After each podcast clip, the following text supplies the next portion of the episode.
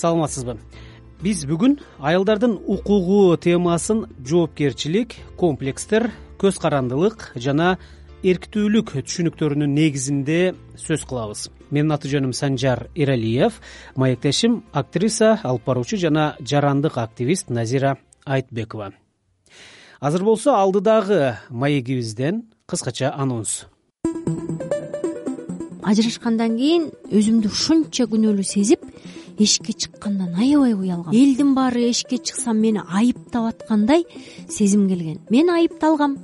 Жалгыз гана себепкерди аял кылып коюшкан да. Мен ошол жапайы түшүнүктөрдүн курмандыгы болгом учурунда мен катуу тепкиге учурагам ыйлагам сынгам. Өзүн сыйласа жана өзүн сүйсө анда коомдун пикирине көз каранды болбой калат экен. Ушу психология илими абдан жардам берди. Сен өзүңдүн баркыңды билсең бааңды билсең жеңил жашап калат экенсиң. Ушундай жеңилдеп жыргап калат экенсиң. Э, назира э, мен сени коомдогу аялдарга коюлган чектөөлөрдү рамканы сындырып стереотиптерге баш ийбеген өз укугун билген жана башкалардын укугун да урматтоого чакырган активист аял катары билем тилекке каршы коомчулукта башкалар эмне дейт? деп өксүгүн ичине жутуп жүргөн башкаларга унчукпай зомбулукка кабылганы жөнүндө кыйынчылыгы жөнүндө айтпай жүргөн кыз келиндер бар. Алар жакындарынан коркуп же болбосо коомдогу кеп сөздөн чоочулап укугунун бузулушуна да саламаттыгына да кайдыгер болуп калат. Башын ийип жашоого мажбур болгон кыз келиндерде бул нерсе кичинесинен калыптанып анын азабын өмүр бою тартат десек болобу биз эч качан могу үй бүлөнүн сөзүнөн чыкпаганыбыз үчүн жана алдында жетектөөсүнүн алдында ошонун башкармалыгынын алдында болгонубуз үчүн мындан чыгыш абдан кыйын болот. Мага көп эле кыздар жазат. Мисалы үчүн атам минтет апам минтет бирок мен момуну каалайм биз өзүбүздүн мүдөбүздү өзүбүздүн кыялыбызды эч качан ишке ашыра албай кыйналабыз да өзүнүн укугун талаша билген керек учурда зарыл сөздү сүйлөй алган жана өзүн коргой алган кыз келиндерди айрымдар маданиятсыз деп да сыпаттап коюп атпайбы э. Андан тышкары эл арасында бир катар жагымсыз сыпаттамалар бар. Мен азыр э, кандай сөздөр экенин айткым келбей турат. Анткени мен э, өзүнүн укугун коргой билген адамды эмес. Ошо укугун коргой билген кишини сындагандарды маданияттан алыс деп ойлойм маданияттуулук бул э, башкы баягы мындай эрежеге баш ийесиң да мындай. Коомдо жүргөндүн тартиби болот эрежеси этикасы болот маданияты болот. Эгерде өзүңдү э, баягы мындай болуш керек да э, менин көкүрөгүмдөгү каалоом башка адамдарга зыян келтирбеши керек эгерде мен көкүрөгүмдөгү каалоомду орундатып атканда башка адамдарга зыяны тийбесе бул жакшы нерсе. Мен көкүрөгүмдөгү нерсени аткарам мен каалоомду аткарам деп атып башка адамдарды садага чаба турган болсоң башка адамдарга зыян келтире турган болсоң ал туура эмес нерсе. Адамдын кадыры деген кеп бар. Э, жакында адам укуктарына байланыштуу фразалардын арасында мындай пикирди окуп калдым адам кадырланбаган жерде укук жөнүндө кеп кылуунун кажети жок дейт. Өзүңдү канчалык кадырлайсың? Албетте өзүмдү сүйөм жана өзүмө зыян келтиргенге уруксаат бербейм. Башка бирөөнүн менин жашоомо кийлигишүүсүнө үстөмдүк кылуусуна уруксаат бербейм.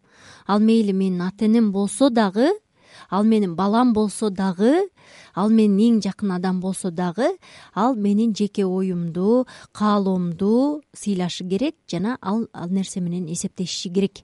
Э, ооба дайыма эле баягы э, эркектер күнөөлүү э, эркектер мындай деп бир тараптуу каралбаш керек. Же болбосо аялдар күнөөлүү аялдар мындай делбеш керек. Ар бир нерсенин эки тарабы эки жагдайы болуш керек жана экөөнү тең эске алышы керек.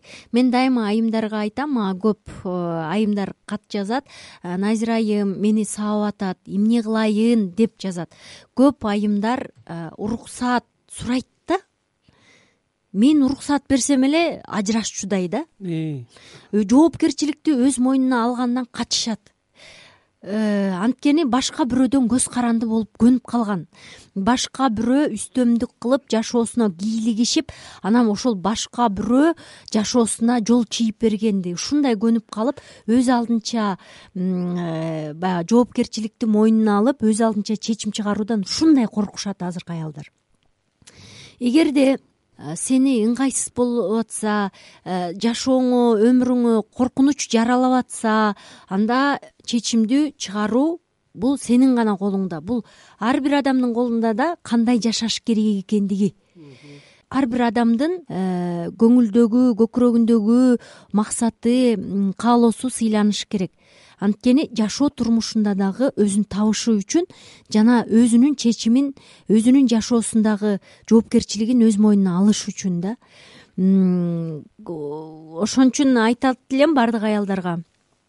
Чечимди эч качан башка бирөөдөн көз каранды кылып Э, чечпегиле да өзүңөр ар бир кадамга жоопкерчиликтүүсүңөр бүгүн кандай жашоону тандап алып атсаңар жакшы жашоону тандап алып атсаңар дагы ошого жоопкерчиликтүүсүңөр жаман жашоону тандап атсаңар дагы ошого жоопкерчиликтүүсүңөр а өзүн өзү сүйүү бул эгоизм менен алмаштырбаш керек да. Өтө эле мен мен деп баласын дагы таштап күйөөсүн да таштап баарын таштап коюп мен эмес аларга дагы күйөөңө дагы балаңа дагы ата энеңе дагы зыян келтирбегендей мен деген нерсе болуш керек да. Назира э, ушул жерде бир социалдык роликти уктура турган болуп калдым. Э, негизи аны маегибиздин аягында тыңдайбыз деп тургам бирок сенин азыркы сөздөрүң дал ушул роликке шайкеш келип турат. Аялдардын укугуна арналган бул подкастты азаттык радиосу айкын багыт уюму коопсуз үй маалымат өнөктүгүнүн алкагында юсаидтин жигердүү жарандар долбоорунун колдоосунда даярдап жатат. Айкын багыттын адистери эркек менен аялдын мамилесине байланыштуу кеп кеңеш даярдаган ал айрыкча өнөгүнүн кайдыгер мамилесинен жабыркап жүргөн аялдарга көбүрөөк пайдалуу. Бул кеп кеңешти мен кесиптешим айбек бийбосуновдун жардамында жаздырдым. Угалы сиз башкалардын жаман мамилесине татыктуу эмессиз. Түгөйүңүз же жакын мамиле курган адамыңыз менен пикир келишпестик жаралган кезде дароо кол үзүү керек деп айтуудан алысмын бирок сиздин жашооңузда жаңжалга түшүнбөчүлүктөргө караганда кубаныч шаттык көбүрөөк болушу керек. Жакын кишиңиз менен мүнөзүңүздөр ар башка болушу мүмкүн. Бирок зарыл учурда жашоого жана баалуулуктарга карата көз карашыңар бирдей болууга тийиш. Мына ошондо жашоодогу кыйынчылыктарды чогуу жеңүүгө өбөлгө түзүлөт. Мамилени чыңдоо үчүн жалгыз сиздин аракетиңиз жетишсиз. Эгер өмүрлөшүңүз буга көңүл кош болсо маселе оор мамиле бул эки адамдын аракети. Сиз келечекте аны менен чогуу элестетсеңиз мунун баарын эмнеге жасап жатканыңызды сезсеңиз анда бул мамиле сизге чексиз бакыт кубаныч жана ырахат тартуулайт мамилени чыңдоого жалгыз аракет жасап бирок анын натыйжасын көрбөсөңүз бакытты сезбесеңиз ойлонуп көрүңүз. Сиз туура багытта баратасызбы? Өнөктөшүңүз сизге ылайыктуу адамбы мамилеңерди оор жана машакаттуу деп санасаңыз баарына чекит коюу туура эле кадам болот. Бири бириңизди кыйноонун кажети жок. Бул сиздин утулганыңыздын белгиси эмес. Сиз колдон келгендин баарын жасадыңыз өзүңүзгө жагымсыз жерде калуунун кажети жок экенин аңдап билүүгө убакыт жетти сиздин түгөйүңүздүн оор кырдаалга кабылганда же мамилеңизде кандайдыр бир көйгөй жаралганда өзүн кандай көрсөткөнү анын ким экенинен кабар берет. Эгер ал сиздин маселеңизге көңүл бургусу келбей бул сиздин гана көйгөйүңүз экенин айтса өзүнүн гана жыргалын ойлосо анда мындай мамилени сактап калуунун кажети жок. Өзүңүзгө жана өз кудуретиңизге ишениңиз унутпаңыз сиз өзүңүздү чындап бактылуу жана сүйүктүү экениңизди сезген мамилеге татыктуусуз. Андыктан ажырашуунун демилгечиси болуп калдым ымаланы сактай албадым деп эч качан өзүңүздү күнөөлөбөңүз жакшы адамдан кимдин эле кеткиси келсин. Сиз бактылуу болууга акылуусуз. Сиздин ой пикириңиз эсепке алынган каалоо тилектериңиз сыйланган кайсы бир аракетиңизден улам өнөгүңүз менен кермур айтышып калуудан коркпой жашаган мамилеге татыктуусуз. Сиздин кыялдарыңыз сүйгөн адамыңыз үчүн да маанилүү экенин сезе билиңиз. Сизди такыр түшүнбөгөн же түшүнүүгө аракет кылбаган адам менен мамиле түзгөнгө караганда эркин болгонуңуз жакшы. Албетте мындай учурда өзүңүздү жалгыз жана бактысыз сезишиңиз ыктымал бирок айланада башка кишилер да бар экенин унутпаңыз чындыгында бакытка татыктуу экениңизди эч качан унутпашыңыз керек. Башкаларга керек экениңизди билиңиз. Эгер түгөйүңүздүн жанында бакытты сезбесеңиз керектүү адам экениңизди туйбасаңыз мындай мамиленин сизге кажети барбы? Өзүңүздү сүйүңүз баалаңыз урматтаңыз. Сизди колдобогон адамга кол сунбай эле коюңуз баары эки тараптуу болууга тийиш аң сезимдүү жашоонун баркын билген бири бирине мээрим төккөн эки кишинин мамилесинин түпкү маңызы ушунда. Муну эч качан унутпаңыз жана түйшүктөн арылтпаган мамилеге макул болбоңуз.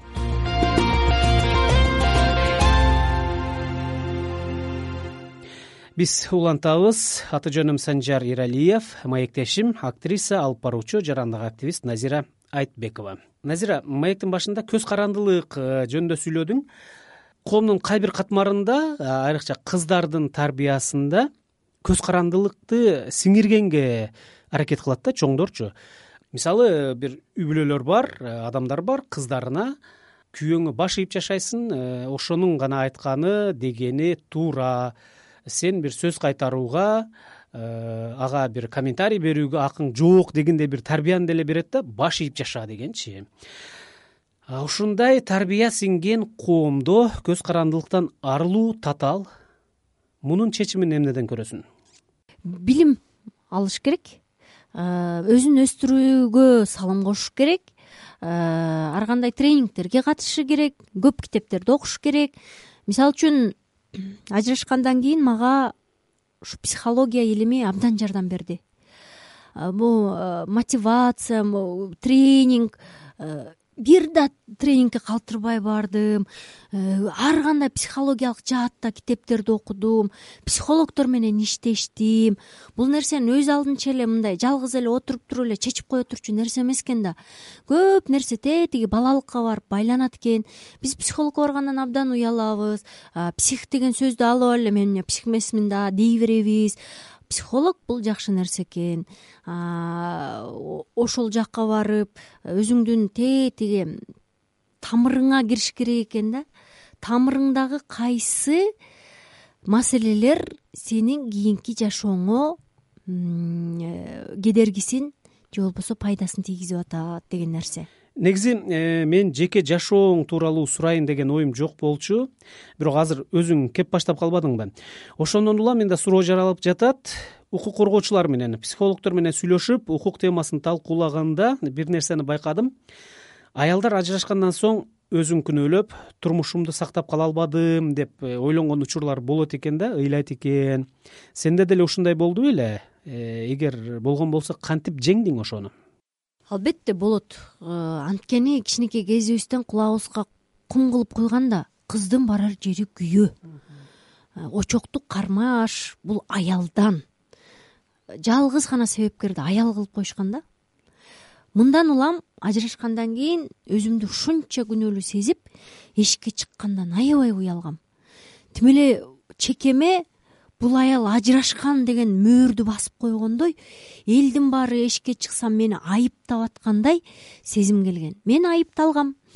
Коомдук адам болгондугума байланыштуу коом тарабынан абдан катуу сындалгам жана айыпталгам. Бул аялда э, мунун аял деген амалкөй болуш керек болчу аял деген акылдуу болуш керек болчу аял деген ушул үй бүлөнү кармап калыш керек болчу. Бул аял артист да артист деген сөзсүз түрдө бизде мындай неме клеймо басылып калган да жеңил ойлуу деген. Артист деген э, башы оогон жака кете берет же болбосо ар бир эркекти этектеп кетет деген нерсе кармалып калган да. Мен ошол жапайы түшүнүктөрдүн курмандыгы болгом учурунда. Мен катуу тепкиге учурагам ыйлагам сынгам кадимкидей сынгам. Э, мен тирүү өлүк болуп калгам жөн эле анан кийин жакшы адамдардын ошол психологдордун ошол китептердин жардамы менен бул менин күнөөм эмес экендиги бул эки тараптуу боло ала тургандыгын эркек дагы жоопкерчиликтүү экендигин ажырашуу бул бир жашоонун бүтүшү эмес экендигин жаңы жашоонун башталышы экендигин түшүнгөндөн кийин ар бир нерсени өз ордуна койгондон кийин бир тараптуу эле күйөөмдү эле күнөөлөп ой желмогуз ошол эле күнөөлүү деген да жокмун мен. Менин каталарымды кабыл алдым. Э, анан баардык күнөөнү моюндаган жокмун. Анын дагы катасын белгиледим. Эки тараптуу кылдым бул нерсени. Э, бул э, кабыл алдым бул фактыны. Жана кабыл алган бул жарым жеңиш экен да андан кийин гана башка нерселерди чечүүгө мүмкүн экен. Зомбулук дегенде түз эле эркектин аялына зөөкүр мамилеси психологиялык басымы дегенге ой кетет эмеспи? Азыр өзүң айтып өткөндөй ар кимдин кеп сөзү деле психологиялык зомбулуктун курч бир түрү. Жана бул жагдайда айрым кыз келиндер курмандыкка чалынып элге жек көрүндү болуп калат. Зомбулук ооба психологиялык жактан да моралдык жактан зомбулук болот зомбулук кайсы гана формасы болбосун адамга абдан оор тиет. Биздин коомдо ушу коомдук зомбулук аябай кенен орун алган. Биз бирөөнү айыптаганды сындаганды төпөштөгөндү аябай жакшы үйрөнүп алганбыз да эч качан башка бирөөнүн сезими менен эсептешпейбиз. Жана азыркы учурда ал эмнени сезип атат? Э, кайсы э, доордон өтүп атат? Э, кайсы баягы көкүрөгүндө эмне кандай бороон чапкын болуп атат? Аларды эч качан ойлобойбуз. Эң жаманы ушул коомдун айыптоосу коомдун тепкиси экен. Э, ошолордон өтүш абдан оор да абдан бирок сен аны басып өттүң да мурдагы назира менен азыркы назираны салыштырбайлыбы? Э, биринчи коомдун сынынан кантип кутулдум ушуну айтсам болобу?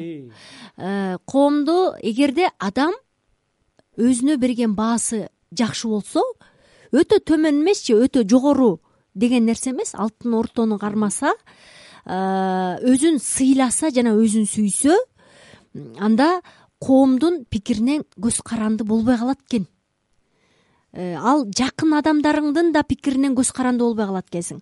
Э, жаман көрүп атабы жакшы көрүп атабы коом сени мактап атабы мактабай атабы тепкиге алып атабы баары бир болуп калат экен. Эгерде сен өзүңө жакшы баа берсең сен өзүңдүн баркыңды билсең бааңды билсең анда э, мындай мактаганга көөп кетпейт экенсиң тепкиге чөгүп кетпейт экенсиң э, мен өзүмдү билем мен өзүм жакшы көрөм. Э, мен өзүмдүн ишимди азыркы тапта туура деп эсептеп атам ошон үчүн бул нерселерди кабыл алгандан кийин айтбекованы мен өзүм өзүмдү кабыл алдым да. Өзүмдүн кемчилигим менен кабыл алдым өзүмдүн артыкчылыгым менен кабыл алдым. Айтбекованын момундай жакшы сапаттары бар айтбекованын могу жаман сапаттары бар.